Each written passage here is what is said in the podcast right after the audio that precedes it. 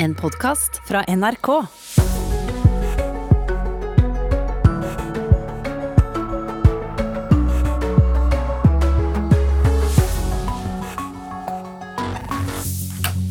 Det er brudd i lønnsforhandlingene i Oslo kommune, og akademikerne har brutt med alle de andre kommunene.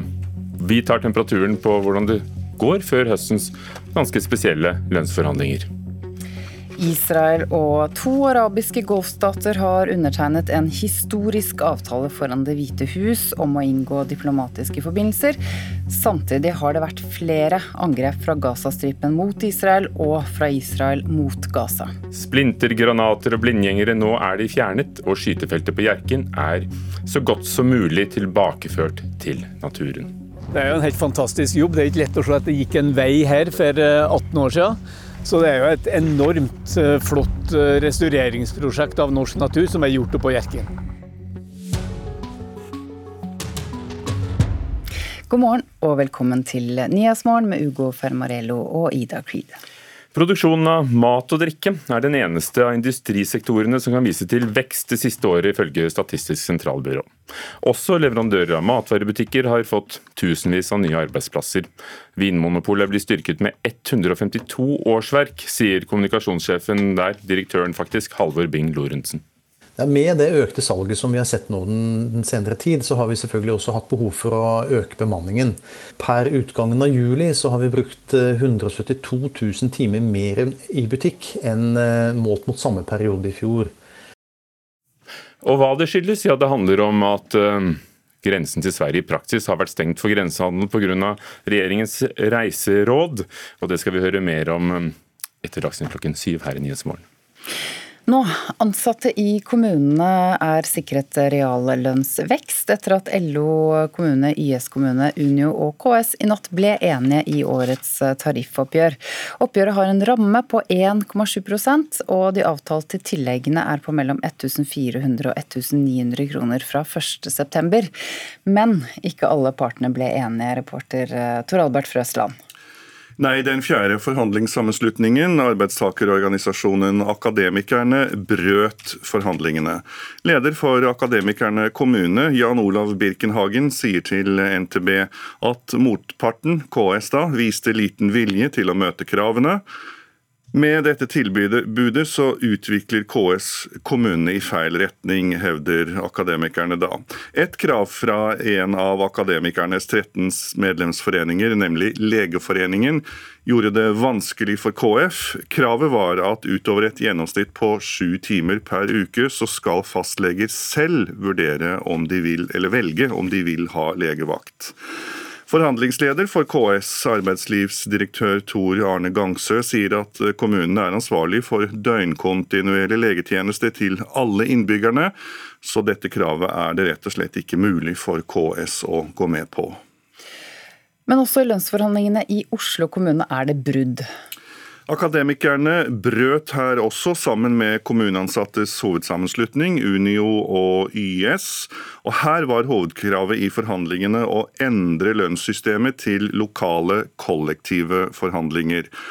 Akademikerne peker på at Oslo kommune er det eneste området der organisasjonsmedlemmer har sentrale forhandlinger, og at det er et lite fleksibelt system som gjør at kommunenes ledere ikke kan forhandle lønnen på den enkelte arbeidsplass. Dette oppgjøret går nå til mekling, og der er det satt en frist ved midnatt 14.10. Takk, reporter Tor Albert Frøsland.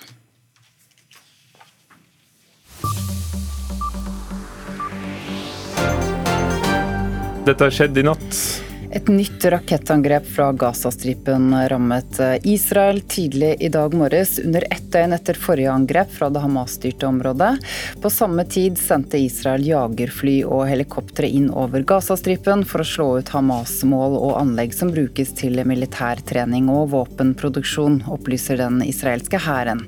I går eh, kveld norsk tid ble altså to raketter skutt fra Gazastripen, og det var akkurat samtidig som statsminister Benjamin Netanyahu undertegnet en avtale med De forente arabiske emirater og Bahrain i Washington. Flere fagforeninger, Akademikerne, kommuneansattes hovedsammenslutning Unio og YS brøt i løpet av natten forhandlingene med Oslo kommune. Oppgjøret går nå til megling, og Meglingen mellom Norsk Arbeidsmannsforbund og Parat, som representerer vektere, og NHO, Service og Handel, som da er på arbeidsgivernes side, fortsetter inn i natten og i timene fremover.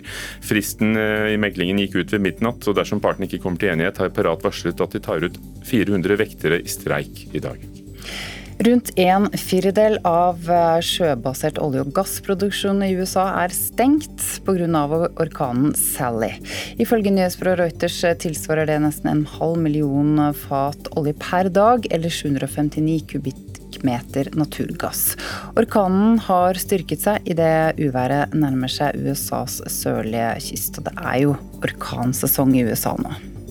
Dette får vi vite mer om, bl.a. ved å følge med på NRK Nyheter i dag. Laila Bertheussen skal på nytt forklare seg for Oslo tingrett når det andre og tredje tilfellet av trusler mot henne og daværende justisminister Tor Mikkel Wara skal opp i retten. Rettssaken mot den 55 år gamle kvinnen har til nå gått raskere enn planlagt. I dag er det offisiell markering av at norgeshistoriens største naturrestaurering, som det kalles, av tidligere Hjerkinn skytefelt på Dovrefjell er fullført. Forsvarsministeren og klima- og miljøministeren skal være med på feiringen. Mange steder i Afrika mangler folk eh, rent vann å drikke. Men Det står ikke alltid på naturressursene, men det handler om å finne dem. Nå har et norsk selskap fått jobben med å finne vann i Somalia, der omtrent halvparten av befolkningen ikke har rent ferskvann. Det å gå løs på å kartlegge en hel nasjon for dypt grunnvann, det er jo rimelig hårete mål. Men vi er eh, det eneste selskapet i verden som har funnet på å gjøre noe sånt. Hvor prekær er egentlig vannmangelen i Somalia i dag? I Somalia så er det rundt regnet 45 av befolkningen som ikke har tilgang til eh, rent drikkevann. Altså Det er et av de landene i verden som sliter mest med rent drikkevann. Det er et av de landene som sliter mest. Og det er i tillegg et land der de ulike klanene fortsatt er sterke, og hvor det er rimelig komplisert å få ting til. Helene Ree Ruden er prosjektleder i Ruden AS. Selskapet som fikk jobben med å finne ut hvordan vi skal få tilgang til vannet. Da mm, var det en konkurranse ute på det å identifisere dypt grunnvann i Somalia. Utlyst fra mm, ambassaden i Nairobi. Og den svarte jo vi ut, og så fikk vi den kontrakten med ambassaden, altså fra UD. På å gjøre dette prosjektet. Det er Utenriksdepartementet som finansierer prosjektet for å kartlegge de dype grunnvannsreservoarene. Flere av forskerne i Ruden AS kommer fra olje- og gassindustrien. En av dem er geolog Manon van Guten. Ut fra bl.a. seismiske data og gamle bordprøver fra olje- og gassindustrien, så vet de at det finnes store mengder vann på mellom 400 og 2000 meters dyp, sier geologen. So the estimation is, is that in the deep aquifers in Somalia there is about 10 to 15 times Modellene forteller oss altså at det er mer enn nok rent drikkevann til å dekke behovet til befolkningen i Somalia. Og grunnen til at vi kan være så sikre, skyldes også at vi har undersøkt lignende forhold et annet sted i Afrika. I Tanzania, forteller Manon. Her har vi funnet et digert, dypt grunnvannsreservoar. Ti ganger Mjøsas størrelse, Modellen Ruden AS nå bruker i Somalia, ble til gjennom dette brønnprosjektet i Kimbichi i Tanzania. Brønnen går 600 meter ned under bakken. Der nede stikker den sugerøret sitt i et enormt ferskvannsreservoar, mer enn ti ganger Mjøsas vannvolum. Dette er helt fantastisk. Nå står vi overfor en av verdens store grunnvannsforekomster. Vi er altså en kilde her til vann som er eh, så stor at vi kan forsyne hele Dar es Salaam litt nord for oss her. Med, med flere vann. millioner mennesker? Ja. Vær så god. Dette er Takk. Eh, vellagret vann. Men hva om vi tømmer reservoaret? Det kommer vi ikke til å klare, ifølge hydrogeolog Fridtjof Ruden. Det ligger nemlig et stort nedbørsfelt lenger inne i Tanzania som kontinuerlig mater inn i systemet. Her er det store deler av verdens områder som defineres som eh, områder med vann, akutt vannmangel. Så viser det at det er slett ikke tilfellet, altså. Så det står ikke på naturressursene, det står på forvaltningen av naturressursene. Og hvis vi vil vite mer om hvordan forskerne har funnet frem til disse vannreservoarene, så er det bare å lytte på Ekko. Ekko på lufta mellom 9 og 11. Dette kommer etter klokken 10 i dag i P2. Reporter Vibeke Røyri. Sport nå her i Nyhetsmorgen. Hedda Hinne overrasket nemlig i går med et rekordløp på 800 meter i Sveits. 1.58,10 er ny norgesrekord og årsbeste i verden, og det klinger godt for mellomdistanseløperen. Tusen takk. Å, det er sykt å høre deg si det. Og det er ikke rart hun er stolt, for tiden 1.58,10 er årsbeste i verden med over et halvt sekund. Og det ligger mye bak en slik rekord, og trener og samboer Erik Sakshaug får også en del av æren. Det er masse trening og øving, og vi har vært eh, sykt tålmodige, utålmodige. Sånn at vi liksom Vi har gjort jobben, vært aggressive og på og visst at vi har gjort mye riktig. Så har vi måttet ta det som kommer. og som sagt, 800 er en taktisk øvelse. Det er ikke alltid du får ting som stemmer. og Jeg hadde, hadde, en sesong i fjor som jeg visste at var sykt bra. Plasserte meg veldig godt i alle heat og, og visste at jeg hadde mer inne tidsmessig. Fikk bare ikke vist det. Og så jeg på en måte hadde jeg kjente at allerede i fjor så hadde jeg mye å komme med. 2017 visste jeg at jeg hadde mer. Det handler litt om timing, det handler litt om heat, det handler om erfaring, det handler om trening. Og bare det å bygge, bygge selvtillit eh, og troen på, på, at jeg kan gjøre det som, som vi tror at jeg kan. Og, og, Erik har liksom all æren for at jeg er her jeg er nå. Så har jeg et par andre som jobber døgnet rundt for meg. Eh, så jeg er evig takknemlig for den jobben de gjør, den troa de har på meg. NRKs friidrettsekspert Vebjørn Rodal, som selv har OL-gull på 800 meter, lar seg imponere av hva hynnene har fått til. Det vi snakker om nå, er et nivå som gjør at hun er eh, ypperste europatopp, eh, årsbeste i verden i, år. Og så var det faktisk bare fem jenter som sprang fortere enn her i hele verden i, i fjor. i en i en tøff VM-sesong. Så vi begynner å, å, se et nivå her som vi aldri har sett på 800 meter av noen norske jenter før. Og, og, kanskje et løpsnivå eh, det Hedda viser oss nå som, som, vi ikke har sett maken til siden Ingrid Kristiansen. Vi tror at målene mine er mulig, eh, og vi tror fremdeles det. Men det her biter det bare med to streker under til folk flest at vi, vi kan det vi holder på med. Det sa en glad Hedda Hinne. Reporter var Marianne Kvamme Amengual.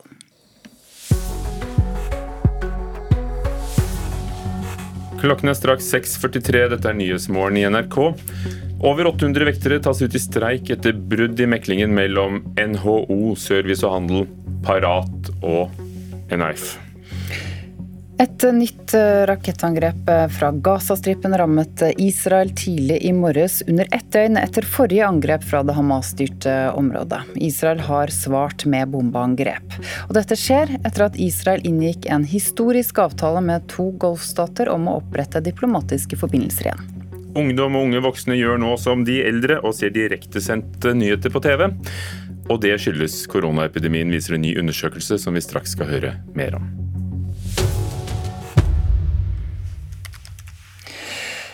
Reaksjonene er både positive og negative etter at Israel og De forente emiratene og Bahrain undertegnet en avtale om diplomatiske bånd og samarbeid foran Det hvite hus i Washington i går. De to araberlandene er det tredje og fjerde som inngår avtaler med Israel. Korrespondent Sissel Wold, hva ble sagt under seremonien i går?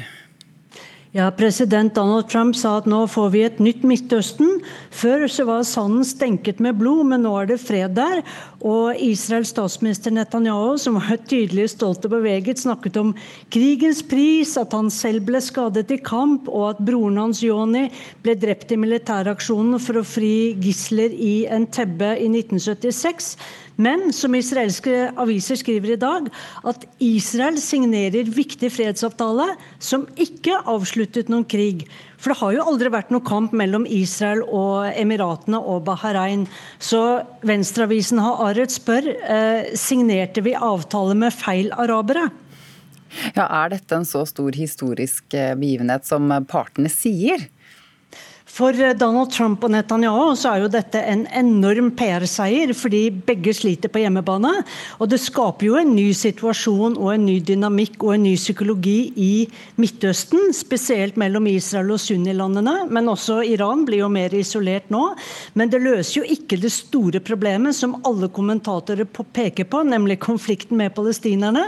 Den er jo langt vanskeligere, fordi at den handler om land, og her må Israel gi mye. Mens denne avtalen med Emiratene og Bahrain handler jo om diplomatiske bånd, med handelsavtaler og noe militært samarbeid eh, med land langt unna, som ikke har noen grense med Israel, som ikke har vært i krig med Israel. Og Det er også verdt å merke seg at det var jo ingen arabiske statsoverhoder til stede, ikke fra Emiratene eller Bahrain heller. De sendte bare utenriksministrene sine. Så festen er over, og nå begynner det veldig vanskelig samarbeid. fordi hva står egentlig i denne avtalen? Det vet jo ingen. Og israelerne spør seg nå hva er det eh, Netanyahu har gitt. Og Uansett så må denne avtalen godkjennes i den israelske, israelske nasjonalforsamlingen eh, Knesset. Trump eh, sier at fem andre arabiske land er på vei til å undertegne lignende avtaler med Israel. Hvilke land snakker han om? Ja, Trump er her veldig optimistisk, for han mener at disse fem landene kommer på plass før valget i USA. Og det er snakk om, mener alle, da, Oman, Marokko, Sudan og Tunisia. Og det store spørsmålet er jo virkelig den største prisen av alle, Saudi-Arabia. Men Saudi-Arabia sier at man er ikke klar ennå. Men bakteppet her er jo at uh, Saudi-Arabias mektige kronprins uh, Mohammed bin Salman, som også har vært uh, nær venn med Jared Kushner, Kushner.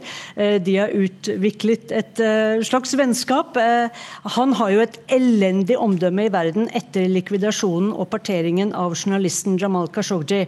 Og Trump har jo nettopp sagt at han reddet Mohammed bin Salman fra diplomatisk isolasjon og fra en internasjonal gransking. Så Saudi-Arabia skylder på en måte Donald Trump en tjeneste her. Men vi får se hva saudi-arabierne Saudi bestemmer seg for. Ikke alle er like positive til eh, avtalen som ble underskrevet i går.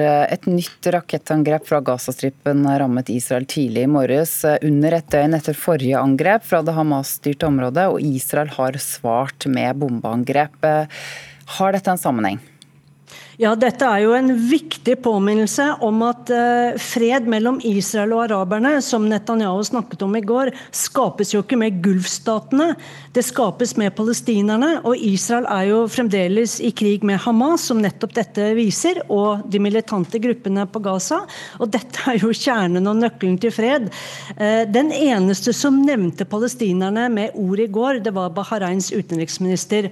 Han sa at nå må vi også få palestinerne med på en fredsavtale, men han ba også det palestinske lederskapet om å være mer konstruktive og engasjere seg i diplomati, og ikke bare nekte å snakke med, med Trump og andre.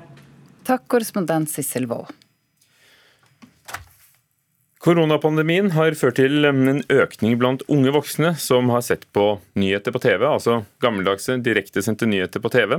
Det viser en ny undersøkelse. Mange mellom 18 og 25 år oppgir at de fulgte godt med på nyhetene da virusutbruddet kom. Ja, jeg var definitivt en av de som så mye mer på direktesendt TV. Åsavik var blant mange unge voksne som fulgte med på nyhetene denne våren for å bli oppdatert på koronasituasjonen. En ny undersøkelse utført av Kantar for NRK viser at hele 40% i aldersgruppen 18 25 så på TV-nyhetene. Jeg tror kanskje det handla mye om at uh, familien min og foreldrene mine satt på hjemmekontor, de også, så de hadde TV-en på og fulgte konstant med. Og når jeg også var hjemme, så fulgte jeg jo med i lammet. Tallene inkluderer TV på nett, som VGTV og Dagbladet-TV, noe 22-åringen Are Kvanum brukte mye. Eh, så det var jo en veldig sånn boom i mars, midten av mars, når dette med korona faktisk ble en reell trussel. Sånn veldig plutselig. Så da var man litt interessert i å se hva som skjedde i nyhetene, da. Og så, etter at eh, den første boomen med nyheter begynte å gå over, så gikk man tilbake med å scrolle på NRK som vanlig. Egentlig fikk med meg de live pressekonferansene med regjeringen når de kom, for de er av interesse å se hva som kommer av tiltak. Andre funn som har kommet frem i undersøkelsen, er at Nettavisen var plattformen de unge voksne foretrakk å bruke for å innhente informasjon. Eh, I tillegg så var det jo mye ja, leste nyheter, leste aviser og sånne ting. Eh, spesielt i starten så satt jeg jo inne og refresha nettsiden hver tiende minutt for å få med meg alt som skjedde. Uh, for da var jeg litt da var jeg redd, rett og slett. Sier 22-åringen Matheus Matusak. Tallene overrasker ikke medieviteren ved Universitetet i Oslo, Gunn Enli. Altså, Vi vet at uh, krisetider er en god tid for mediebruk. Uh, folk trenger informasjon uh, for å leve livene sine. Sånn at i perioder med kriser eller mye turbulens, mye usikkerhet, så er det klart at mediene er det stedet hvor du orienterer deg i samfunnet, hvor du får den informasjonen du trenger. Enli tror at mange i stor grad vil fortsette å lese nyheter på nett. En god stund så kommer de til å beholde de løypene, at dette er jo faste sjekkeløyper, som vi kaller det, hvor de sjekker inn og bare tar, tar en runde. Hva har skjedd i verden? Er det noe nytt jeg må forholde meg til? Hva må vi tenke på? For dette handler jo om en langtidspandemi. Men det kan se ut som TV-tittingen har begynt å dabbe av igjen hos mange av dem. En av årsakene kan være at TV-en ikke er like tilgjengelig blant de unge. Nå har jeg jo flytta ut siden da, og da har jeg jo ikke lenger TV. Og jeg merker at jeg følger ikke med på det på samme måte som da jeg bodde hjemme. Det gjør jeg ikke. Fortalte Åsa Vik, reportere var Emilie Eide og Heather Ørbekk Eliassen, som vi hørte i reportasjen. Mange kjendiser kaster seg i dag på en eh, omfattende boikott av sosiale medier. De fryser kontoene sine for å protestere mot spredningen av hat, propaganda og desinformasjon.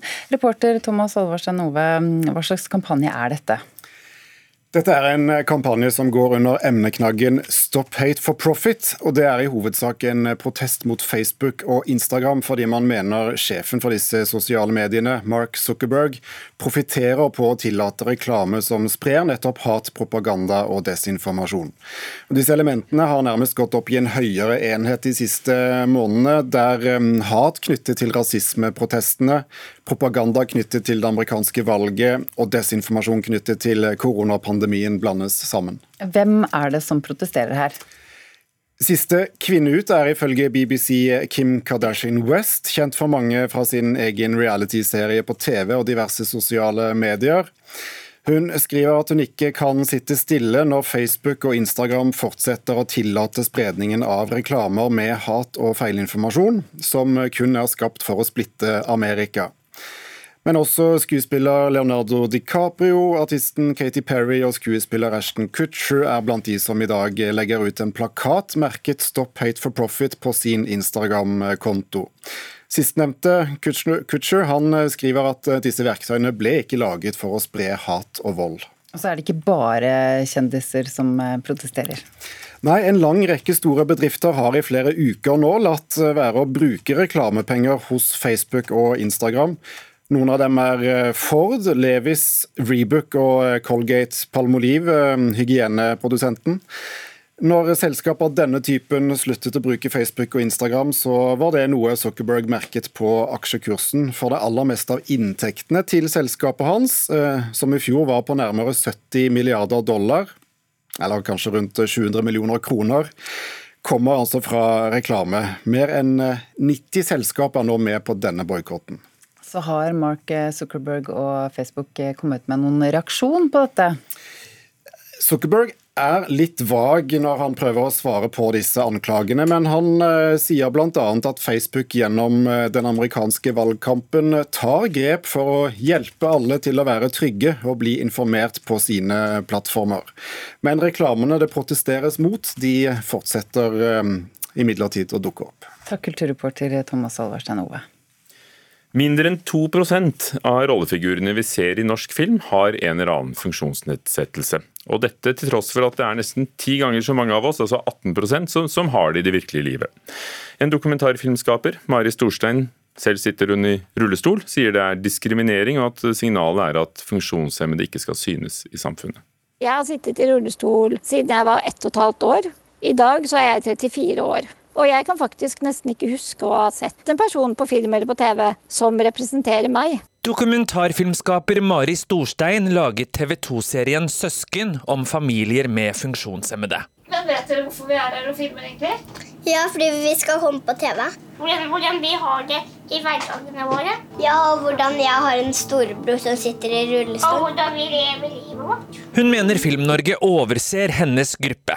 Fra 2012 til 2018 hadde kun 1,7% av rollene i norsk film funksjonsnedsettelse, til tross for at funksjonshemmede er Norges største minoritet, med 18% av befolkningen. Det sier jo at underrepresentasjon av funksjonshemmede er et kjempeproblem. Det er jo nettopp med på å fortelle at funksjonshemmede er mennesker vi ikke skal se, rett og slett mennesker vi ikke skal forholde oss til. Direktør i Norsk Filminstitutt Kjersti Mo er enig i at fraværet av funksjonshemmede i film er et problem. Og Derfor så har vi eh, satt i gang flere tiltak, bl.a. starta et utviklingsprogram eh, som har vært åpent for eh, deltakelse også fra denne gruppen. Men talentprogrammet får kritikk. Programmet UP 2.0 skal løfte frem tolv talenter fra tre minoriteter, flerkulturelle, urfolk og funksjonshemmede. Men kun én av de tolv utplukkede er funksjonshemmet. Det syns Storstein er svært problematisk. Når Norges største minoritet bare fikk én av tolv plasser i dette programmet, så er ikke det godt nok. I hvert fall når jeg også vet at det har vært flere funksjonshemmede som har søkt. Så Norsk Filminstitutt Eh, det virker jo som om at de har skjønt at de må gjøre noe. Og her hadde de muligheten, men de valgte å la være. NFI sier det var kun tre funksjonshemmede søkere til programmet, men Kjersti Mo forstår skuffelsen. Ja, det har jeg forståelse for. Og samtidig så er det sånn at vi ved inntaket sitter med 90 søknader og vurderer dem ut fra kvalifikasjon og oppnådde resultater. Den funksjonshemmede som er tatt ut i programmet, Mamona Khan, har både flerkulturell bakgrunn og funksjonsnedsettelse, med ryggskade og nedsatt funksjon i beina. Hun hadde gjerne sett at flere representerte denne minoriteten. Det hadde vært fint om det var litt flere enn bare meg. Med synlig funksjonshemming. For min, min funksjonshemming er ikke så synlig kanskje for veldig mange. Hun mener funksjonshemmede må få plass i film og fiksjon for å få endring i samfunnet. Hva er det vi lærer våre barn når vi viser dem et sånn type perfekt samfunn hvor alle er hopper og går og løper rundt? Og hvordan vet våre barn hva en funksjonshemmet person er, eller hva slags utfordringer de har? Dette er lekeplassen vår. Det har vi noe i Elina. Og Khan krever nå et krafttak for funksjonshemmede som minoritet. Akkurat nå er det sånn politisk viktig at vi må ha mangfold. At det skal være synlig flerkulturell eh, bakgrunn. Det er ikke nok. Vi må også ha med funksjonshemmede. Jeg syns ikke det er bra nok det som er nå. Det er altfor dårlig.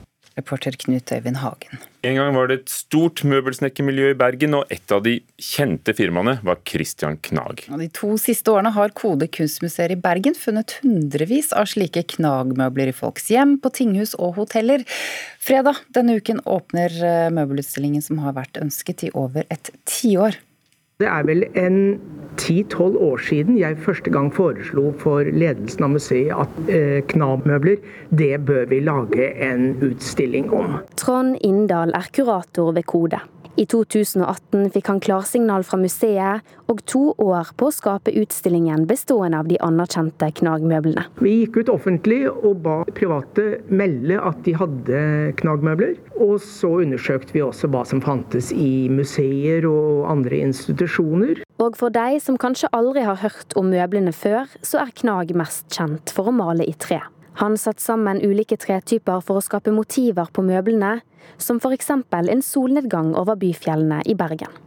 Og denne kunsten er det som gjorde at Kristoffer Severin Knag sine møbler ble solgt til kongelige og velstående, og vist frem på lands- og verdensutstillinger allerede for 100 år siden. Som en del av utstillingen finner man en kongelig kiste for oppbevaring av sølvtøy som til daglig står på Det kongelige slottet på Gamlehaugen. Man kan også se igjen de gamle vielsesmøblene fra tinghuset i Bergen. Men det som tar opp mye av utstillingen, er møbler fra privatpersoner. Og en av dem som har fått møblene sine på utstillingen, er Anne Kristine Naumann. Hun ble kontaktet fordi hun bl.a. eier en litt spesiell knagsofa. Det ene armlenet skjuler det seg et skap. Så hvis man åpner det, så er det altså plass til glass og en flaske. Lite barskap. Frem til 24.1 skal sofaen stå på utstilling sammen med et bord og en stol. Men Naumann må fremdeles finne noen som vil overta møblementet etter henne. Jeg har spurt guttene mine om de vil eh, overta det, og de ser på meg med skrekkeblikket og sier at vi kan, vi kan jo ikke ha sånne møbler i, i, i bruk hjemme. Av redsel for at noe skal gå i stykker. Altså. Kanskje passer ikke Knag-møblene inn i hjemmene til alle dagens unge. Men det er ingen tvil om at møblene har betydd mye for bergenserne. Og selve utstillingen av dem betyr kanskje litt ekstra for den østlandske kuratoren. Det er jo veldig ålreit å, å, få dette til slutt, siden jeg har foreslått dette lenge. Og så er det jo da den siste utstillingen som jeg er kurator for, for jeg skal bli pensjonist ganske snart. Trond Inndal ved Kodemuseer, utstillingen med, med Knags møbler åpner på fredag. Valentina Baisotti var reporter. Her er NRK Dagsnytt klokka sju. Den første streiken i årets lønnsoppgjør er et faktum. Det er 803 vektere som tas ut i streik etter at det nettopp har blitt brudd i meklingen mellom partene. Og reporter Trond Lydersen, hvilke konsekvenser får dette? For i hvert fall den konsekvensen at du har ganske mange vektere fra Securitas og Avarn, eh, altså det tidligere Nokas, er de som blir tatt ut i første omgang. Det går jo på vaktholdet, men du har en eh, ganske stor mulighet for å trappe opp denne streiken også. Det er nærmere 5000 som omfattes av denne konflikten, som er meldt inn, som kan tas ut hvis de trapper opp. Og da kan du få de virkelige konsekvensene. Hva handler uenigheten om her? Hvorfor ble det streik? Altså Arbeidstagersiden, Norsk Arbeidsmannsforbund og, og forbundsleder Anita Johansen, har sagt at de har ikke blitt imøtegått på, eller har ikke fått innfridd noen av de kravene eh, de stilte. Blant annet skal det ha, ha dreid seg om bedre lærlingordning. Dette dreier seg også om noen av de gruppene som har stått på under den krisen delvis som vi har sett nå, og som har håpet på en hva skal jeg si, bedre betingelser i ettertid, og kanskje ikke får det. Takk, Trond Lydersen. Det har blitt flere tusen nye arbeidsplasser i Norge etter at reiserestriksjonene mot Sverige ble innført. Mens store deler av norsk økonomi er svekket, har matindustrien og dagligvarebutikkene opplevd kraftig vekst. På Freia-fabrikken i Oslo har de satt inn et fjerde skift for å produsere nok sjokolade til nordmenn. Forskjellen i avgifter gjør jo at svenske kjøpmenn kan selge de her platene til nesten halv pris, sammenlignet med butikkene i Norge. Men når grensene er stengt, eh, så kjøper jo nordmenn eh, sjokoladen på den lokale butikken i stedet for å reise over grensa. For det er nettopp mat og drikke som er den eneste industrien som har økt produksjonen det siste året, ifølge SSB. Og den stengte grensen gir flere arbeidshender i alle ledd. Norgesgruppen og Coop har fylt på med 2000 ansatte hver. Tidenes salg av øl og vin har gitt Vinmonopolet 152 flere årsverk, forteller kommunikasjonsdirektør Halvor Bing Lorentzen. Vi ser det at eh, per utgangen av juli så har vi brukt 172 eh, 000 timer mer i butikk enn eh, målt mot samme periode i fjor. Reporter her Sofie Lork Falk. Ved midnatt var det registrert 117 nye tilfeller av koronasmittede i Norge. Til sammen er det nå registrert 12 393 tilfeller. Regjeringen samler nå all koronainformasjonen for foreldre på én nettside. Siden er delt opp i bolker til foreldre med barn i ulike aldre, én til foreldre med barn i barnehage, barneskole og én gjennom ungdoms- og videregående skole. Nettsiden har adressen regjeringen.no foreldreinfo. NRK Dagsnytt, Tone Nordahl.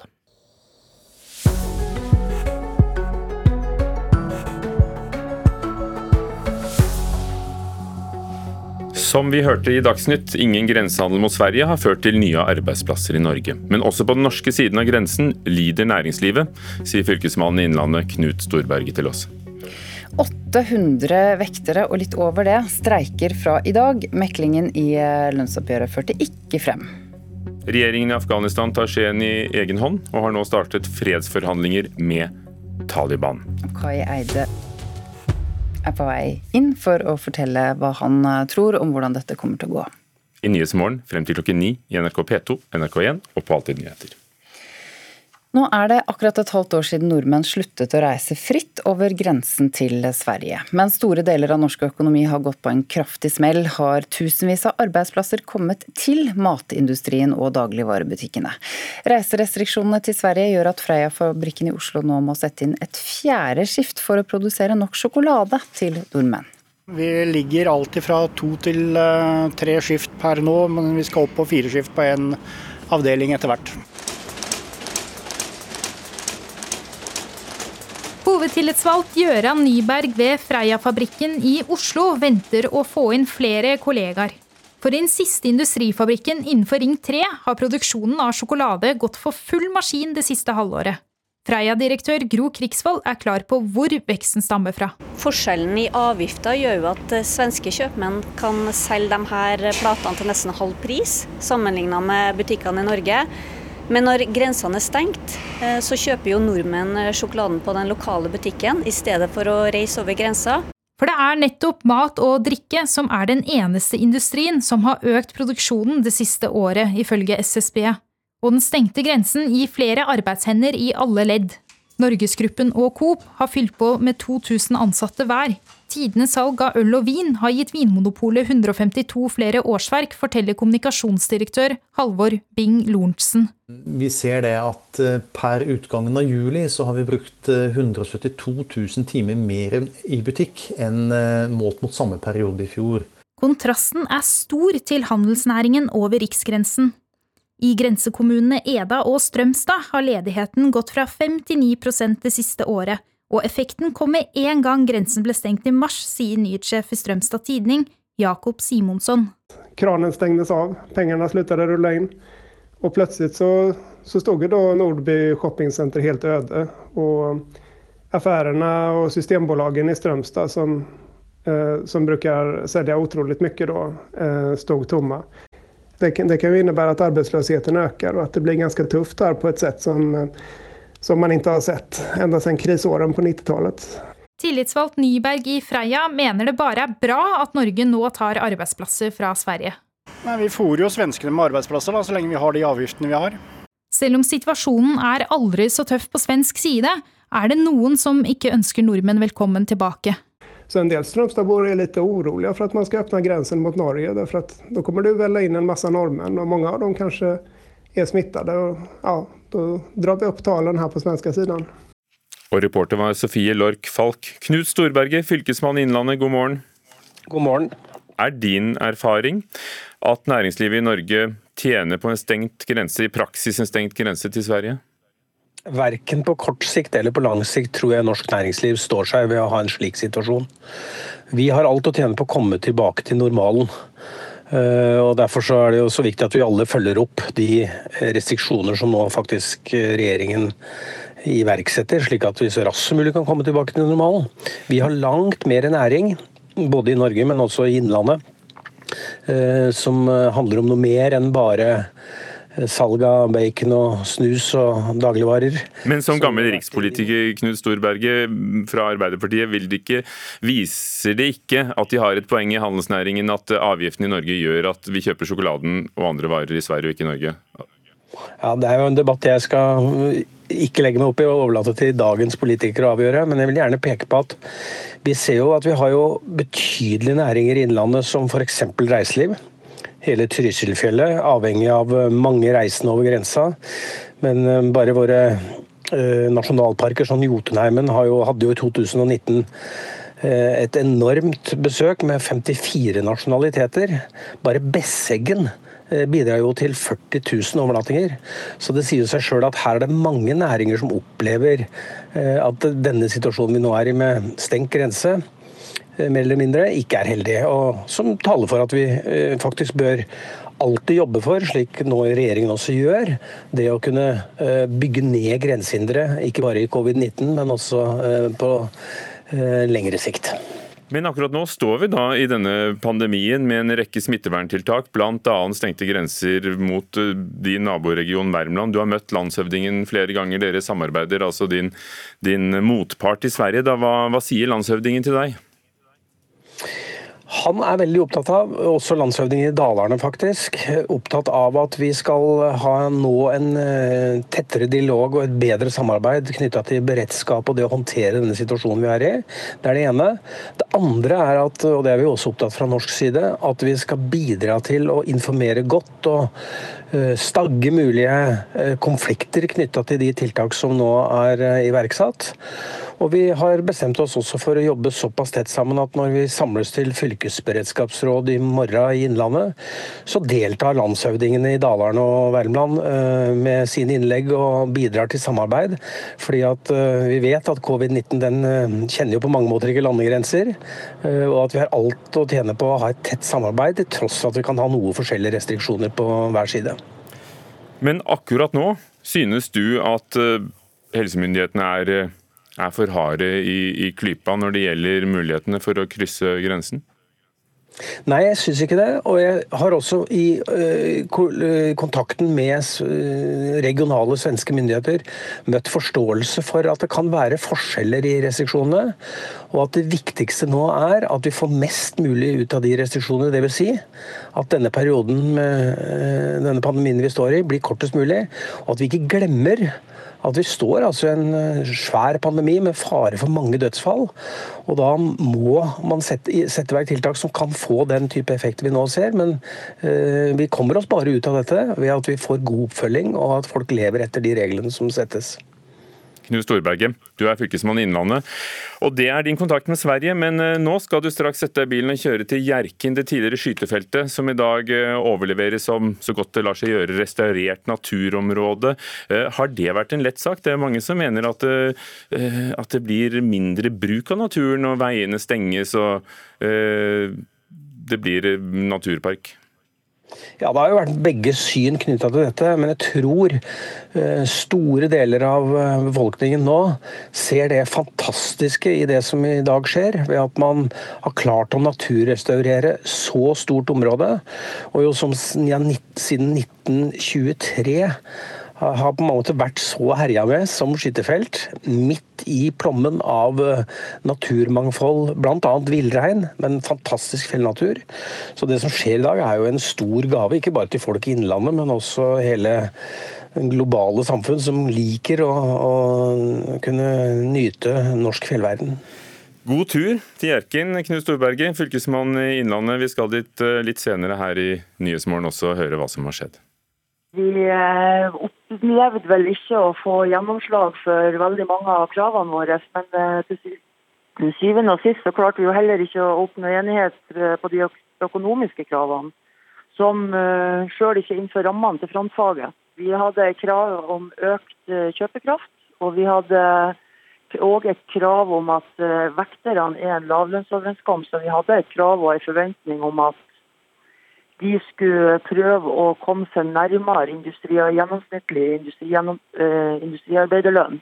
For de har sakka akterut i de siste, siste årene. Vi ble ikke imøtegått på noen av de eh, skriftlige eh, punktene vi hadde på tekstendringer i, i overenskomsten. og blant annet det at eh, vi ikke oppnådde enighet om å ha ordna lønns- eller arbeidsvilkår for, eh, for lærlingene, opplever vi som særdeles skuffende. Ja, dette var Anita Johansen i Norsk arbeidsmannsforbund, NAF. Og det handler om at flere enn 800 vektere er tatt ut i streik etter at det ble brudd i meklingen mellom NHO Service og Handel, Parat og, og Norsk arbeidsmannsforbund. Altså. Dette er den første streiken i årets lønnsoppgjør. og Reporter Trond Lydersen, hvorfor ble det streik? Som Anita Johansen snakker en del om her, så kom de med en del krav, spesielt lønnskrav, eh, for vekterne, som alltid har vært en eh, lavtlønnsgruppe, og at de vil nærme seg industriarbeiderne. Vi har også vært gjennom en tid hvor de også er en del av man, det man kan kalle uh, førstelinja, men likevel ikke fått innfridd krav, og heller ikke, slik de beskriver det selv i hvert fall, opp mot det som har vært frontfaget, altså konkurranseutsatt industri, som har gått foran her og så satt ramma for hva som skal være lønnsoppgjøret i Norge. Og så sier de at vi har ikke fått innfridd nesten noe som helst, knapt noe i det hele tatt. Og da blir resultatet streik. Hvor jobber disse vekterne som da er tatt ut i streik fra i dag? Eh, du har ganske mange vektere i Securitas, du har i Avarn, det tidligere Nokas og de store vekterfirmaene som da blir, eh, blir, sånn sett rammet isolert sett for deres del. Og så er det jo kundene deres, da. Alt fra holdt på å si, det er, det er kjøpesentre, og du har uh, vi har vektere som går rundt NRK her også. Hvordan kommer vi vanlige folk til å merke dette? Nå starter streiken først klokka tolv i dag, så det går ikke helt at det ikke er noen med en gang. Og så er det jo ikke før kanskje man trapper opp streiken at man vil merke det, merke det, veldig mye. I hvert fall vil man merke det veldig mye mer hvis man trapper opp fra de 800 opp mot en 5000 vektere som man har mulighet til ut fra hva som er, er meldt inn. Takk, Trond Lydersen, reporter. Vi var innom det. Hjerkinn skytefelt som det var, er nå tilbakeført, heter det, reparert eh, og blitt til natur så godt det lar seg gjøre. Og I formiddag overleveres eh, skytefeltet som det var på Dovrefjell fra Forsvarsdepartementet til Miljødepartementet. Da Stortinget i 1999 vedtok at skytefeltet på Dovrefjell skulle legges ned og naturen tilbakestilles til slik det så ut før 1923, var det ingen som ante hvor mye som måtte gjøres. Ja, Da får jeg bare prøve å, jeg bare prøve å leite uti her. Da. Det er jo nesten nåla i høystakken, dere her. Arnodd Håpnes er Naturvernforbundets fremste ekspert på noe de vil ha mer av i Norge, nemlig naturrestaurering. Akkurat nå sliter han med å finne igjen stedet der en vei ble fjernet inne i det gamle skytefeltet på Hjerkinn for 18 år siden. Det kan jo ikke være den sauestien her heller? I mange år har Forsvarsbygg jobbet med å tilbakeføre ødelagt natur etter 90 år med skytefelt i det sårbare høyfjellsområdet på Dovre. 600 millioner kroner er brukt på å fjerne alle spor etter Forsvaret og legge til rette for at det gror igjen. Lurer på om det er et eller annet bortover her? Det er jo en helt fantastisk jobb. Det er ikke lett å se at det gikk en vei her for 18 eh, år siden. Så det er jo et enormt eh, flott eh, restaureringsprosjekt av norsk natur som er gjort oppe på Hjerkinn.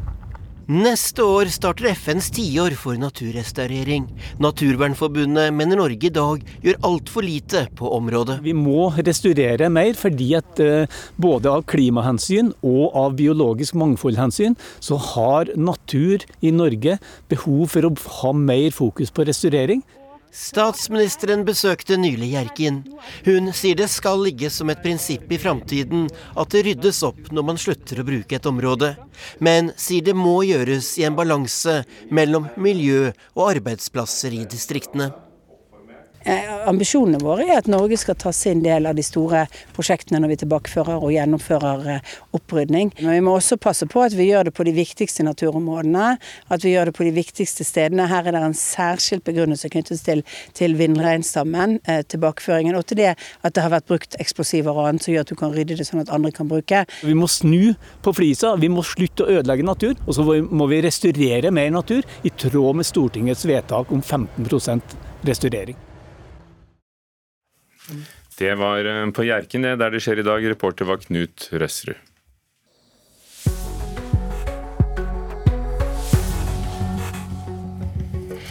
Dette er NRKs Nyhetsmorgen. Klokken er 17 minutter over sju. 800 vektere over det streiker fra klokken tolv i dag etter brudd i lønnsforhandlingene. Det er også brudd i lønnsforhandlingene mellom fagforeningene og Oslo kommune.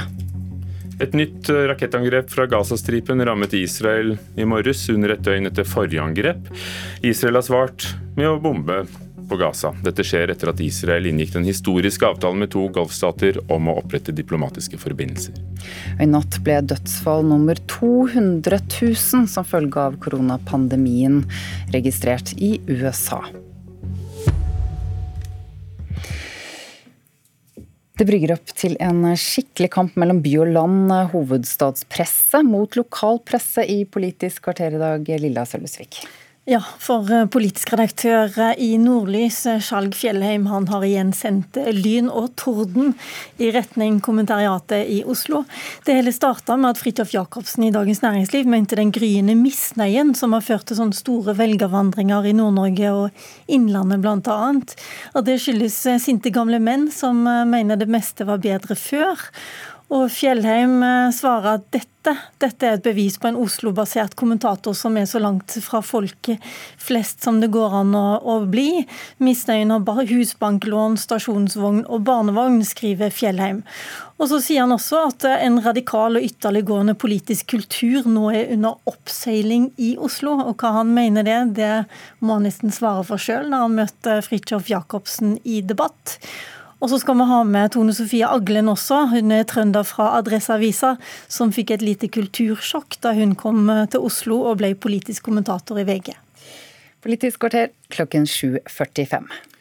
USA har nådd en trist milepæl i koronaviruspandemien. I natt ble dødsfall nummer 200 000 registrert, ifølge nettstedet Worldometers. Vår egen reporter Halvard Sandberg, som følger pandemien fra sitt hjemmekontor, betyr dette at situasjonen i USA går fra vondt til verre? Nei, det gjør nok ikke det. fordi at uh, dette punktet hvor de nådde 200 000, det var liksom varslet, spådd, advart om at det ville skje litt tidligere enn det faktisk har gjort. Og det vi ser av tallene fra USA, er at epidemien er per nedadgående. Altså at antall døde går ned. Tidligere i sommer ble det varslet at det bare kom til å fortsette å stige, antall omkomne i USA. Hva, hva har skjedd? Ja, så det er det. Dette her er utrolig interessant. fordi at det, den modellen som liksom har vært sånn uh, toneavgivende altså Modellen det betyr ikke de som lager Lego, men de som driver da og spår og regner ut hva som vil skje med epidemien. Den som har vært toneavgivende, den har fortsatt slik at det, det skal udø nesten ufattelig mange mennesker i løpet av eh, dette året i eh, USA. Og de har bommet totalt. Når du ser da kurven deres i forhold til hva som har vært utviklingen i løpet av de siste ja, tre-fire ukene, så er de langt, langt, langt langt, langt uh, unna. Og det det blir sagt, det det blir skrevet om, er at disse modellbyråene, og spesielt det, kanskje har blitt grepet av politikk. Eh, eller av alarmisme ønsker å skremme folk, og dermed har dratt veldig hardt på sine beregninger. Eller at det har gått politikk i det. det at det, hvis vi nå i juli sier at oi, oi, oi, så mange, kanskje 400 000 mennesker i USA vil dø løpet av eh, året, så kan det skade en spesiell politisk fløy i amerikansk politikk. Men så er det forklaringen. Er det, er det slik at viruset er blitt mindre dødelig? Altså, det er mange som håper på det at det viruset som er i sirkulasjon, at det faktisk har blitt liksom svakere, mildere. Det er en uh, dårligere utgave eller bedre utgave av seg selv. Men slik er det nok dessverre ikke. Det som heldigvis det vi ser, er det at uh, når du først blir skikkelig syk og havner på sykehus i USA, så er legene der flinkere til å ta vare på deg. De har bedre kapasitet til å ta vare på deg, og det er litt medisin uh, å, å få. Og så er det slik det at viruset er eh, Det når eller i hvert fall blir registrert til oss andre enn det det ble registrert til oss eh, tidligere. Nå er det mange yngre som blir registrert med dette viruset. så Det ser ut som det er veldig mange smittede, eh, og så er det få eh, døde. Og det som skjer eh, i USA, skjer det også i, i resten av verden? Det skjer i hvert fall i Europa at uh, det skal veldig mange smittede til før det heldigvis uh, fører til at noen uh, dør. Veldig veldig mange, smittede. Og det, er det vi ser i USA. Og at du får en stor ser ut som du får en stor sånn topp med smittede, men at det ikke fører til at folk, så mange mennesker eh, mister livet. Men det er Europa. Og så er det andre steder i verden, f.eks. India, som nå seiler opp som skrekkeksempel på hvor at det kan gå virkelig dårlig. Og India har på mange måter tatt over selve eh, sentrum av denne eh, pandemien nå. Og de har nå fem millioner bekreftede tilfeller i dag. Takk, Halvard Sandberg. Nato lyktes aldri med å finne en militær løsning i Afghanistan. Det har ikke blitt mindre vold og terror i landet de siste årene. Nå tar den afghanske regjeringen skjen i egen hånd. De har aldri forhandlet alene med Taliban før, men i går møttes afghanske fredsforhandlere og Taliban etter en åpningsseremoni i Qatar i helgen. Tidligere FN-utsending til Afghanistan, Kai Eide, velkommen hit. Mye står på spill. Hva er tema for partene aller først her nå? Ja, det første er jo de må finne ut hvordan de skal forhandle. Eh, metodikken, de må ha regler for hvordan de skal gjennomføre dette her. Eh, for å sørge for at det ikke blir reneste kaos. De må ha en dagsorden. Hva skal de diskutere først? Nå har de sittet sammen hver dag, både i plenum, i tillegg til den store åpningskonferansen, i plenum og i arbeidsgruppe. Det har ikke vært noen store bølger i løpet av de siste dagene, så det virker som de sitter og diskuterer på en konstruktiv måte, i hvert fall til nå. Ja, Det er jo det som har blitt sagt, at, at dette kanskje har gått litt lettere enn en ventet, enn fryktet. Men hva blir det vanskeligste? Jeg regner med at nå kommer regjeringen til å si, Kabul-regjeringen til å si det første vi ønsker er en våpenhvile. Det tror jeg nok ikke går så lett. Taliban vil nok for en våpenhvile ha noe igjen. Og det vi også vet, at de vil ganske raskt ha en diskusjon om hva slags styresett skal vi egentlig ha framover. Det vil jo legge rammene for mange av de, de, de, temaene man må inn på deretter. Så det, det, blir jo et veldig veldig vanskelig spørsmål. Ja, for Taliban mener vel fortsatt at Afghanistan må styres i tråd med islamsk lov. Og f.eks. kvinners rettigheter, er det på agendaen? Det, det, kommer helt sikkert veldig fort. Det er jo Taliban har sagt vi ønsker et emirat. Regjeringen sier vi ønsker å bevare den republikken vi har, med det demokratiske styresettet vi har.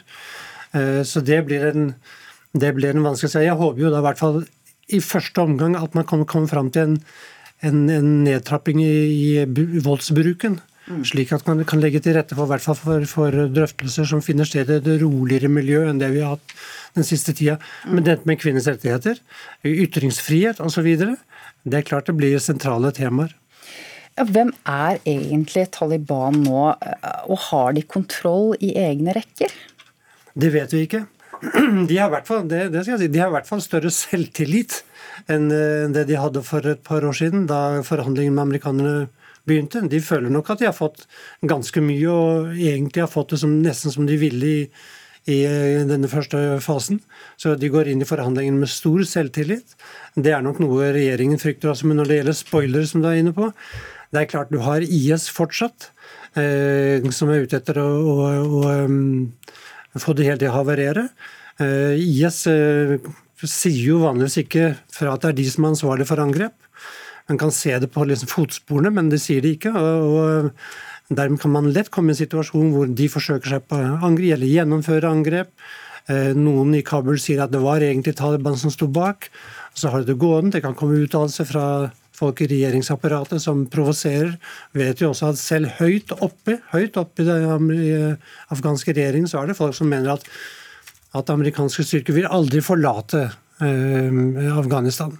Eh. For, for, er det, altså Terrorgruppene både IS og Al Qaida er holdt utenfor forhandlingene. Eh, er det realistisk at disse terrorgruppene tar ordre fra Taliban i det hele tatt? Å nei, nei, nei, nei. Jeg tror jeg tror Al Qaida er vel mindre, uh, mindre betydning i dag. Uh, men IS er en, helt åpenbart en, en, en, fraksjon som kan lage store problemer. Taliban-krigeren som er dømt for drapet på den norske journalisten Karsten Thomassen på Serena hotell i Kabul i 2008, er sannsynligvis løslatt i forbindelse med at 400 Taliban-krigere er sluppet fri, skriver Aftenposten. Har det kommet noen reaksjoner på det?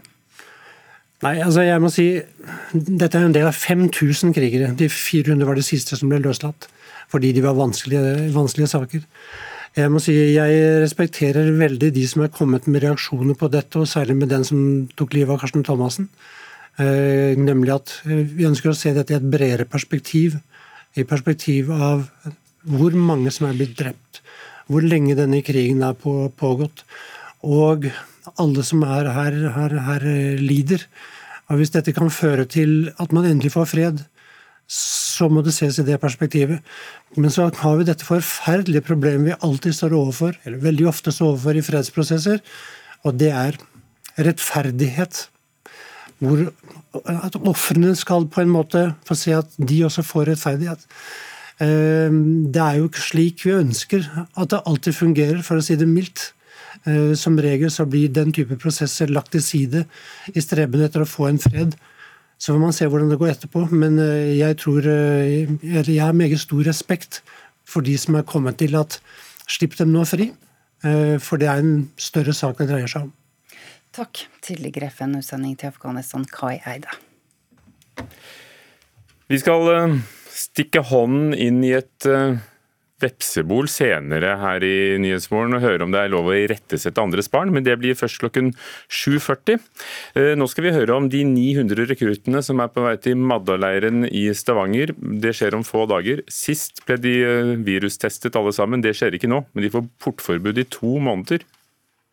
Da vil vi bruke de smitteverntiltakene som vi allerede har sett fungere fra aprilskolen og fra juniskolen. Og i grovt så går det ut på å skape separasjon mellom grupper, ha god håndhygiene og annen hygiene, sprite ned overflata og sørge for at hvis det skulle bli smitte, så klarer vi å gjennomføre ei eh, grundig smittesporing. Og portforbud. Det skal vi også gjennomføre. Hvorfor er det viktig?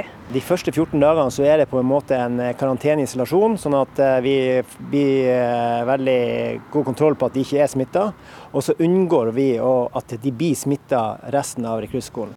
Ronny Christoffersen er sjef ved KNM Harald Hårfagre, og reporter var Kjersti Hetland. Dette er Nyhetsmorgen, NRK P2, Alltid nyheter, og på NRK1 straks Dagsnytt.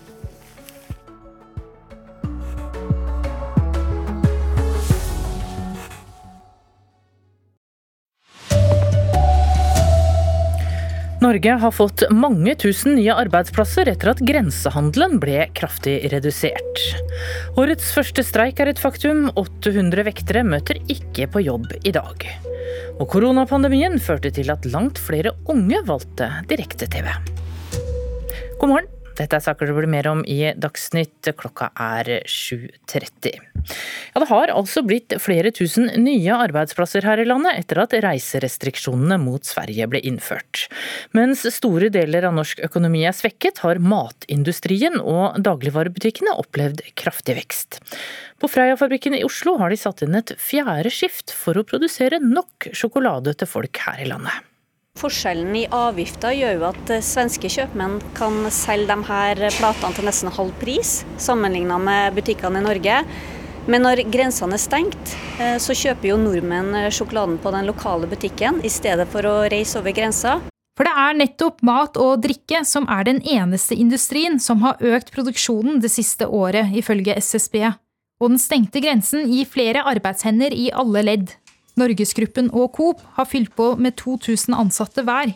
Tidenes salg av øl og vin har gitt Vinmonopolet 152 flere årsverk, forteller kommunikasjonsdirektør Halvor Bing Lorentzen. Vi ser det at eh, per utgangen av juli så har vi brukt 172 eh, 000 timer mer i butikk enn eh, målt mot samme periode i fjor. Kontrasten er stor til handelsnæringen over riksgrensen. I grensekommunene Eda og Strømstad har ledigheten gått fra 5 til 9 det siste året, og effekten kom med en gang grensen ble stengt i mars, sier nyhetssjef i Strømstad Tidning, Jakob Simonsson. Kranen stengtes av, pengene sluttet å rulle inn, og plutselig så, så stod da Nordby shoppingcenter helt øde. Og affærene og systembolagene i Strømstad, som, eh, som bruker selge utrolig mye, da, eh, stod tomme. Hovedtillitsvalgt Gjøran Nyberg ved Freia-fabrikken i Oslo mener det bare er bra at Norge nå tar arbeidsplasser fra Sverige. Nei, vi fôrer jo svenskene med arbeidsplasser da, så lenge vi har de avgiftene vi har. Reporter i dette innslaget var Sofie Lorke Falk. Over 800 vektere er i streik etter at det ble brudd i meklingen mellom partene i natt. Anita Johansen i Norsk Arbeidsmannsforbund er særlig skuffet over at de ikke fikk igjennom bedre vilkår for lærlingene. Vi ble ikke imøtegått på noen av de eh, skriftlige punktene vi hadde på tekstendringer i, i overenskomsten. og blant det at eh, vi ikke oppnådde enighet om å ha ordna lønns- eller arbeidsvilkår for, eh, for lærlingene, opplever vi som særdeles skuffende. Ja, dette er altså den første streiken i årets lønnsoppgjør. Reporter Trond Lydersen, eh, hvorfor ble det streik? Det ble primært streik fordi de ikke fikk innvilget de lønnsvilkårene de ønsket. Eh, som også Anita Johansen har påpekt. Og så var dette med lærlinger en, en ekstra sur pille, antagelig, syns hun. At det ikke kom dem i møte der. Men det er lønnsvilkårene særlig det dreier seg om. Hvor jobber vekterne som nå går ut i streik? Alle de vekterne de jobber i eh, store firmaene Securitas og Avarn, altså det tidligere Nokas. Så det er de, som, de firmaene som, som rammes isolert sett. og deretter for så vidt da kundene deres der de gjør, leverer sine vektertjenester. Hvordan eh, vil du og jeg og alle andre rundt i samfunnet merke denne streiken? De første 800 kanskje ikke kjempemye, og den starter først klokka tolv i dag for øvrig. Eh, men hvis denne streiken trappes opp med flere tusen eh, vektere ute i streik, så kan det bli noe annet. Samtidig så er det viktig å bemerke at dette er en bransje hvor 1000 vektere allerede er permittert pga. nettopp trøbbel i mange av bransjene som de leverer tjenester til. Kultur, luftfart bl.a. som er hardt rammet. Takk, reporter Trond Lydersen. Da skal vi til eh, USA. USA har nå passert 200 000 døde i koronapandemien, ifølge nettstedet Worldometers. Reporter Halvor Sandberg, du er med oss, og hva sier dette om situasjonen i USA nå? Det sier at det er alvorlig i USA, men det er ikke så alvorlig, så, så alvorlig som det ble varslet tidligere i sommer. Dette tallet 200 000 ble det varslet at man skulle nå tidligere enn det det faktisk uh, har uh, gjort. Og Du ser på tallene at antall døde per dag i USA er nedadgående. Og uh, de modellene som har vært mest korrekte, de sier at sånn om en par måneder så er de under 500 døde om dagen. Det er veldig mange mennesker som dør hver dag, men det er jo betraktelig bedre enn godt over 1000, slik som situasjonen har vært de siste månedene. Ja, betyr, betyr dette at viruset har blitt mindre dødelig? Det er mange som håper det, at selve viruset har blitt en snillere utgave av seg selv, men det er nok ikke det. Dette her er en funksjon av at de har blitt flinkere til å ta vare på de syke i USA. Og så er det slik at det, det store fjellet av registrerte smittede i USA nå, det er yngre mennesker som da ikke dukker opp på sykehusene eller på kirkegården. Ja, Det som skjer i USA nå, skjer det også i resten av verden? Til en viss grad så ser vi det i Europa. I hvert fall det med at det er veldig mange smittede, men heldigvis få som dør. Men andre steder, f.eks. India, så går det feil vei. Det er India har nå tatt over eh, selve sentrumsplassen av denne pandemien og er på vei til et veldig vondt sted. Takk skal du ha, reporter Halvard eh, Sandberg. I formiddag overleveres området for det gamle skytefeltet på Hjerkinn fra Forsvarsdepartementet til Miljøverndepartementet. Hjerkinn er det største naturrestaureringsprosjektet i Norge noen gang. Bare, bare prøv å leite uti her, da. Det er jo nesten nåla i høystakken, dere her. Arnodd Håpnes er Naturvernforbundets fremste ekspert på noe de vil ha mer av i Norge, nemlig naturrestaurering. Akkurat nå sliter han med å finne igjen stedet der en vei ble fjernet inne i det gamle skytefeltet på Hjerkinn for 18 år siden. Det kan jo ikke være den sauestien her heller? I mange år har Forsvarsbygg jobbet med å tilbakeføre ødelagt natur etter 90 år med skytefelt i det sårbare høyfjellsområdet på Dovre. 600 millioner kroner er brukt på å fjerne alle spor etter Forsvaret. Så det er jo et enormt eh, flott eh, restaureringsprosjekt av norsk natur som er gjort oppe på Hjerkinn. Neste år starter FNs tiår for naturrestaurering. Naturvernforbundet mener Norge i dag gjør altfor lite på området. Både av klimahensyn og av biologisk mangfoldhensyn så har natur behov for å ha mer restaurering. Statsministeren besøkte nylig Hjerkinn. Hun sier det skal ligge som et prinsipp i framtiden, men sier det må gjøres i en balanse mellom miljø og arbeidsplasser i distriktene.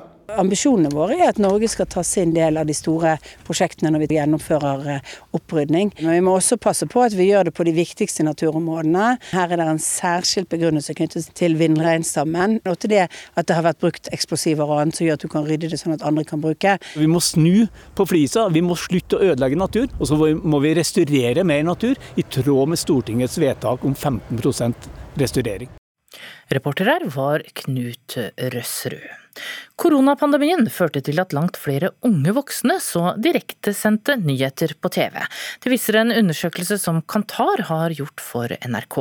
40% av alle mellom 18 og 25 år så direktesendt TV. Blant dem er Åsa Vik. Ja, jeg var definitivt en av de som så mye mer på direktesendt TV. Jeg tror kanskje det handla mye om at uh, familien min og foreldrene mine satt på hjemmekontor, de også, så de hadde TV-en på og fulgte konstant med. Og når jeg også var hjemme, så fulgte jeg jo med i lammet. Tallene overrasker ikke medieviteren ved Universitetet i Oslo, Gunn Enli. Altså, Vi vet at uh, krisetider er en god tid for mediebruk. Uh, folk trenger informasjon uh, for å leve livene sine. Sånn at i perioder med kriser eller mye turbulens, mye usikkerhet, så er det klart at mediene er det stedet hvor du orienterer deg i samfunnet, hvor du får den informasjonen du trenger, og kobler deg på rett og slett det som skjer fra dag til dag. Reportere her var Emily Eide og Heather Ørbekk Eliassen. Regjeringen samler nå all koronainformasjon for foreldre på én nettside. Siden er delt opp i bolker til foreldre med barn i ulike aldre. En bolk til foreldre med barn i barnehage, barneskole, og en eh, gjennom ungdoms- og videregående skole. Nettsiden har adressen regjeringen.no foreldreinfo. Ansvarlig for Dagsnytt i dag er Elin Pettersen. Her i studio Tone Nordahl.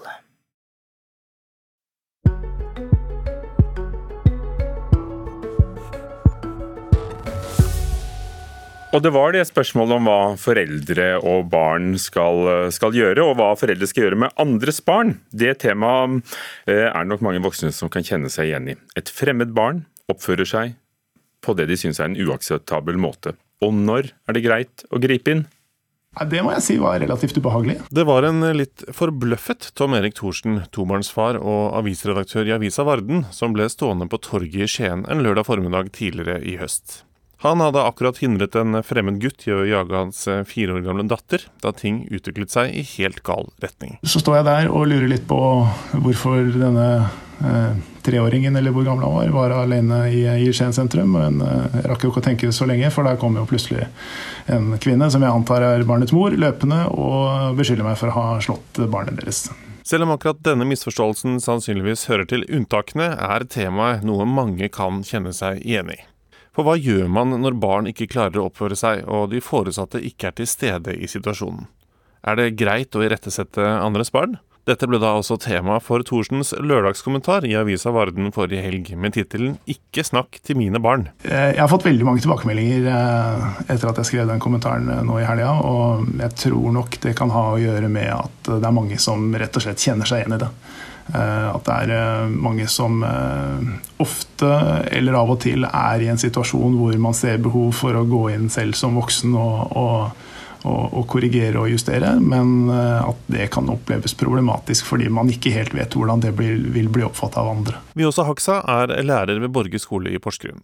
Hun kommer ofte opp i situasjoner der hun må veilede andres barn om hvordan de skal oppføre seg. Hun har følgende tips til hvordan man kan gå fram. Jeg tenker at det bør være greit å irettesette andres barn når du ser at et barn gjør noe som ikke er greit mot andres barn.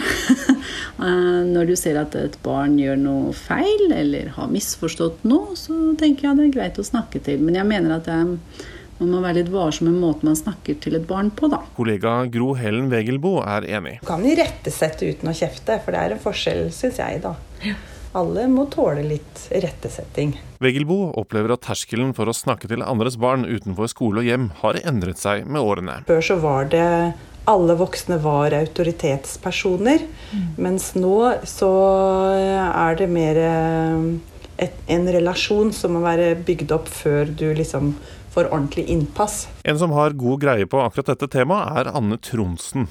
Hun er lektor på Universitetet i Sørøst-Norge og jobber bl.a. med foreldreveiledning. Jeg tenker at barn blir trygge av å få grenser. Grenser, tydelige grenser, tydelige voksne, det er trygghet for barn. Og det behøver ikke alltid være grenser bare fra foreldre. Det kan også være å se at andre voksne bryr seg, og at andre voksne setter tydelige grenser. Men hvorfor er det egentlig så utfordrende å snakke til andres barn?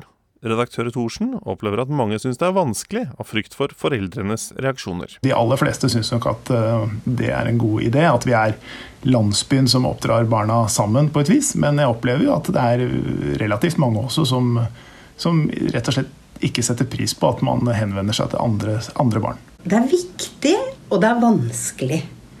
Når passer det, og når passer det ikke? Jeg mener ikke at du ikke skal forsvare barnet ditt, for all del. Men det å ta barnets parti uten å prøve å få et overblikk over situasjonen og få barnet til å forstå hele situasjonen før du begynner å ta stilling til noe, tror jeg kan være med på å gi barnet en litt bedre plattform. Men hva mener egentlig barna selv? Noen må jo si ifra. Hvis ikke så bare fortsetter han, så blir det enda verre. Sa til slutt Synne Melseth Riggenholt og Nemi Eik Halvorsen, begge er elever ved Borge skole i Porsgrunn. Reporter var Nils Skomsvold.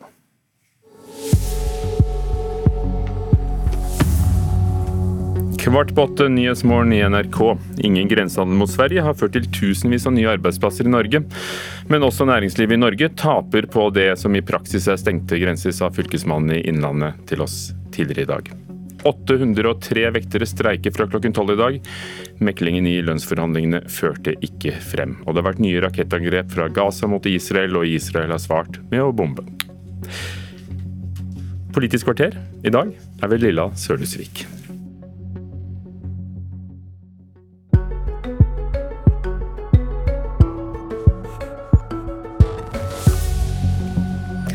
Står eh, Dagens Næringsliv og politiske kommentatorer i hovedstaden bak en radikal og ytterliggående kultur? Eller eh, er det Nordlys som prøver å fortelle en konspiratorisk historie om Oslo-eliten? By står mot land, hovedstad mot Tromsø i dagens Politiske kvarter. Misnøyen har rynker, skrev Dagens Næringslivs politiske kommentator Fridtjof Jacobsen sist lørdag. Han viste til at folk som stemmer Senterpartiet og Frp ofte er godt voksne, de gamle er eldst og mest misfornøyd med tingenes tilstand, skrev han og fikk et kraftig svar fra deg, Skjalg Fjellheim, du er kommentator i avisa Nordlys. Så vidt jeg forstår, ser du denne artikkelen som nok et bevis på at kommentatorer i Oslo lever i en slags egen boble, og ikke har peiling på hva som rører seg i resten av landet. Forklar hva du mener.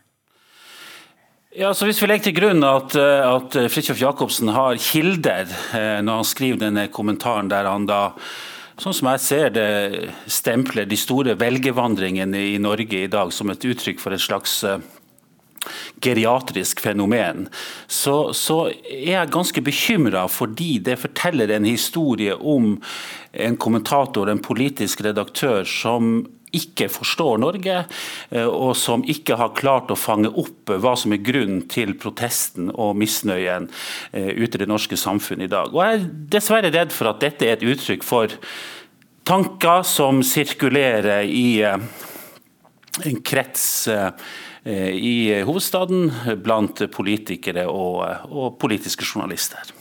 Du skriver faktisk at dette er uttrykk for den radikale og ytterliggående politiske kulturen som er under oppseiling i Oslo, og som viser den enorme avstanden til resten av Norge. Hva mener du med det? Det er knytta til flere ting. Det, altså, hvis vi nå tar først denne saken med, med forståelsen av, av, der man forsøker å, å isolere eh, misnøye i norsk politikk og samfunnsliv eh, i dag til et spørsmål om alder. Da har man misforstått fullstendig. For De siste målingene rundt omkring i Norge, Innlandet, Trøndelag, Nord-Norge, viser jo at det er i aldersgruppen 30 45 år at Senterpartiet står sterkest. Så Det tyder jo på at man har da ikke klart i Dagens Næringsliv å og legge den riktige analysen til grunn. Men eh, dette med, med, en radikal politisk kultur handler jo bl.a. også om avstand mellom eh, hovedstaden og resten av Norge når det gjelder f.eks. For forståelsen av denne oljeskatten som Stortinget, disse skatteordningene for, stort, for oljenæringa som Stortinget vedtok tidligere i år. Det gjelder eh, skatt på havbruksnæringa, såkalt ressursrenteskatt. Der vi ser en veldig stor avstand etter min oppfatning mellom meningsdannelsen i hovedstaden og andre deler av landet. Og når det gjelder f.eks. oljeskatt men, ok, eh, Fjellheim, la, la, oss ta den ene saken først, eh, nemlig dette med, eh, dette med hva misnøyen egentlig skyldes. Og Fridtjof Jacobsen, du er altså politisk kommentator i, og politisk redaktør i Dagens Næringsliv. Mener du virkelig at de store velgermassene og misnøyen først og fremst er nostalgisk populisme fra aldrende menn? Misnøyen eh, tror jeg er én av mange faktorer som sender velgere i bevegelse. Eh, det er helt sikkert ikke den eneste. Det er ikke lett, tror jeg, eller mulig å liksom eh, si at alt skyldes dette eller alt skyldes dette. Det jeg tok utgangspunkt i, var en sett med målinger for andre kvartal i 2020 som viste at Senterpartiet og Fremskrittspartiet til sammen har 25% av stemmene og at eh, de er eh, overrepresentert blant i aldersgruppen 50 pluss og underrepresentert i aldersgruppen eh, under 50. Nasjonalt, da. Jeg har ikke gått inn i Trøndelag eller Nord-Norge eller sånne ting. Der er bildet litt annerledes, men det nasjonale bildet, ifølge dette i hvert fall, som er basert på 10 800 svar, så det er en ganske stor måling, viser det. Og så ja, så, så at jeg tror nok noe av det skyldes eh, at eh, jo eldre man blir, jo mer negativt innstilt er man til endringer. Og det, det tror jeg har, er noe av forklaringen. Man ser jo motstanden mot forskjellige reformer som er satt i gang under regjeringen Solberg som er blitt ganske tydelig, og hvor Senterpartiet bl.a. ønsker å reversere disse reformene og bringe ting tilbake.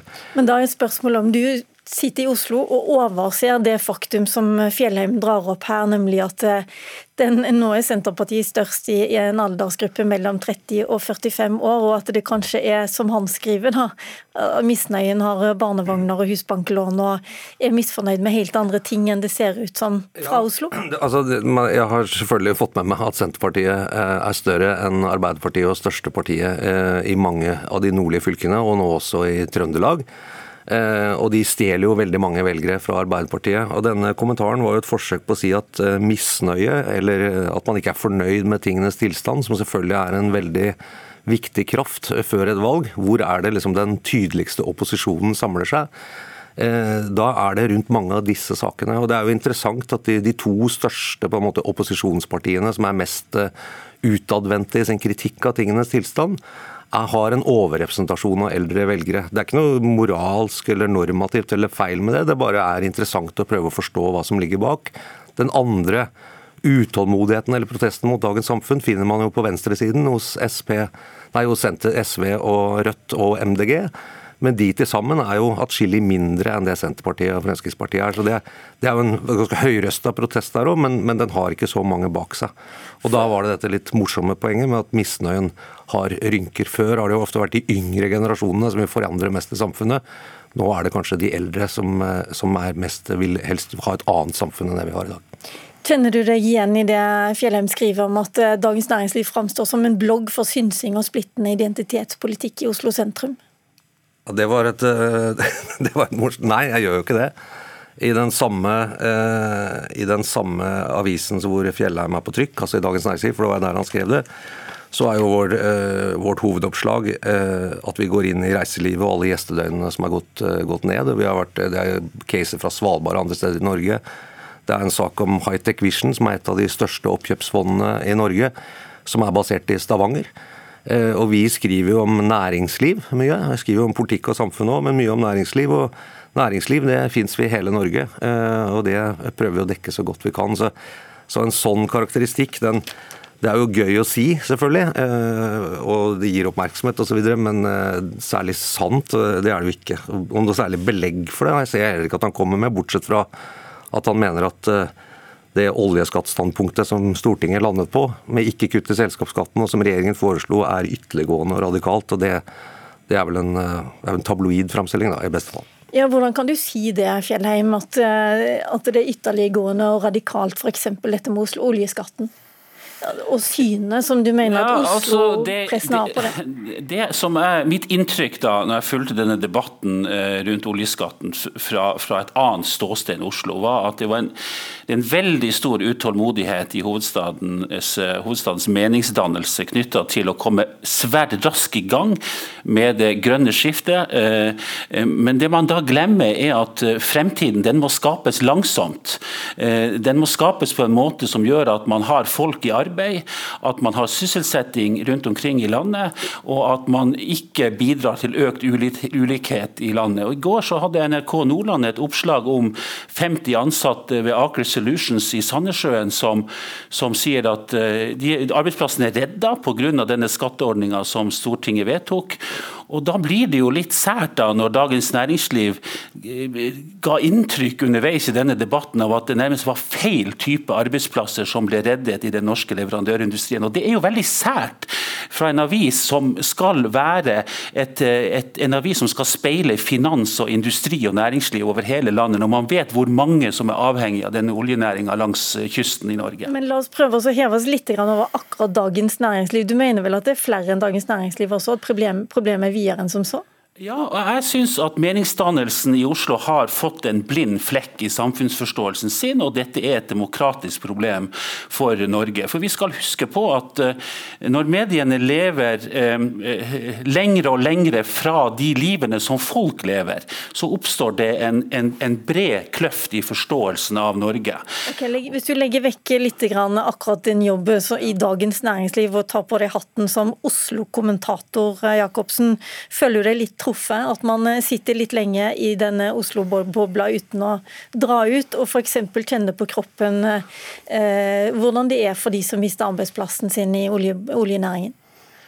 Ja, jeg tror Hvis man er kommentator eller journalist og, og, ikke tror at man har skjønt alt og, og at alt faller på plass, så er det klart at man hele tiden tenker at det er mye man ikke vet, og som man gjerne skulle fått tak i.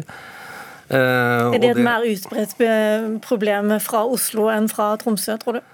Nei, det tror jeg faktisk ikke.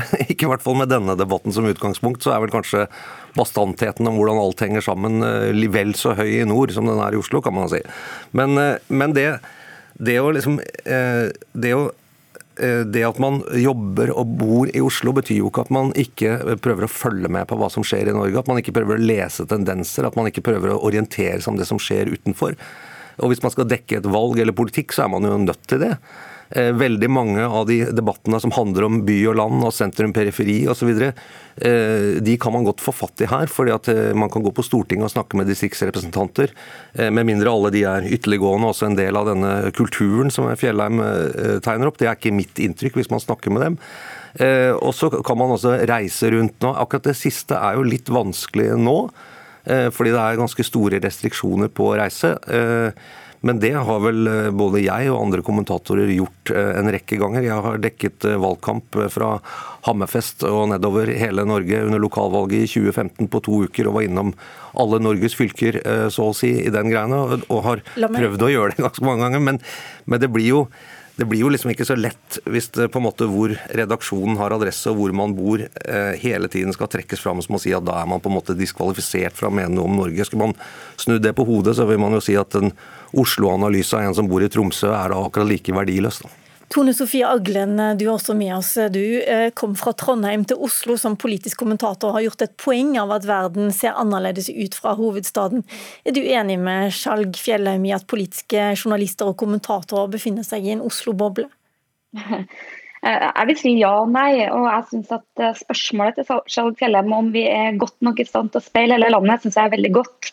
Men uh, jeg er litt sånn skeptisk til å gjøre det til et spørsmål om geografi. og det er ikke sånn at Fordi du bor i Tromsø eller i Trondheim, så skjønner du hele landet. og jeg synes også at Vi har en litt sånn uh, tendens til å gjøre det her til en sånn uh, debatt om, om, Oslo mot resten.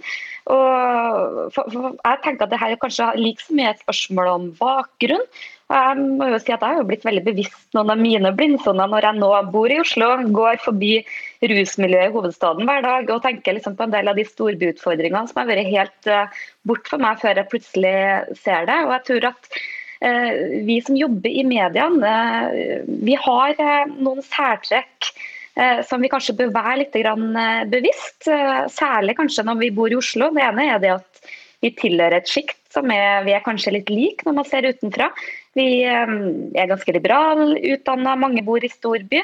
Og det er litt sånn med alle at vi har lett for å tro at det vi ser ut av kjøkkenvinduet, sånn er verden. Og kanskje er det lettere når man bor i Oslo at man omgås folk som er litt lik seg sjøl. Det er vel litt sånn i Tromsø også, Fjellheim, at man ser ut av kjøkkenvinduet og, og, og kan bli litt enspora der også. Eller i Trondheim eller i Bergen for den del. Ja, Det tror jeg definitivt det kan være en fare for. Eh, og At, eh, at det finnes en, en, en, en, boble i Tromsø også. Det blir vi jo fort beskyldt for her i Nord-Norge. For sentrum-periferi det er jo noe som virker også regionalt da, i Norge. Da, hva er da det store demokratiske problemet du prøver å ta opp? Ja, altså fordi Det kommentariatet i hovedstaden gjør, det at de påvirker den politiske debatten gjennom sine synspunkter. Mer enn du gjør som, som redaktør i Tromsø? Ja, men når spriket mellom virkeligheten som speiles og, og, og og den som faktisk lever blir for stor, så får man dårlig politikk ut i den andre enden. Og Jeg er opptatt av at vi må ha en meningsdannelse som faktisk tar høyde for de store ulikhetene og variasjonene i landet vårt. Og Det syns jeg er blitt et problem i, i Oslo-pressen i dag, med en litt sånn innkapsla, arrogant uh, tone, der man også tegner karikaturer av uh, den, de politiske bevegelsene i Norge som ikke er korrekt. Jakobsen. Nei, altså Karikaturtegningen av ulike meninger den er det vel Fjellheim først og fremst som står for i denne saken. Eh, men for å vende tilbake til utgangspunktet om misnøye og alder, så er det jo eh, litt morsomt å merke at eh, Fjellheim i sitt oppgjør med meg på dette også konkluderer med at dagens næringsliv var bedre før. Og han er vel i den aldersgruppa jeg snakker om, og da var det vel et visst poeng da, at det er lov å lengte litt etter fortida. Men det betyr jo ikke at hvis noen påpeker det, at de er radikale eller ytterliggående. Eh, og når det gjelder karikaturer, så bør vi vel alle prøve å la være med det, da. Ok, vi får stoppe med karikaturer og stoppe med Politisk kvarter, fordi at vår tid er faktisk omme. Takk Skjalg Fjellheim, eh, Fridtjof Jacobsen og Tone Sofie Aglen. Mitt navn Lilla Sølhusvik.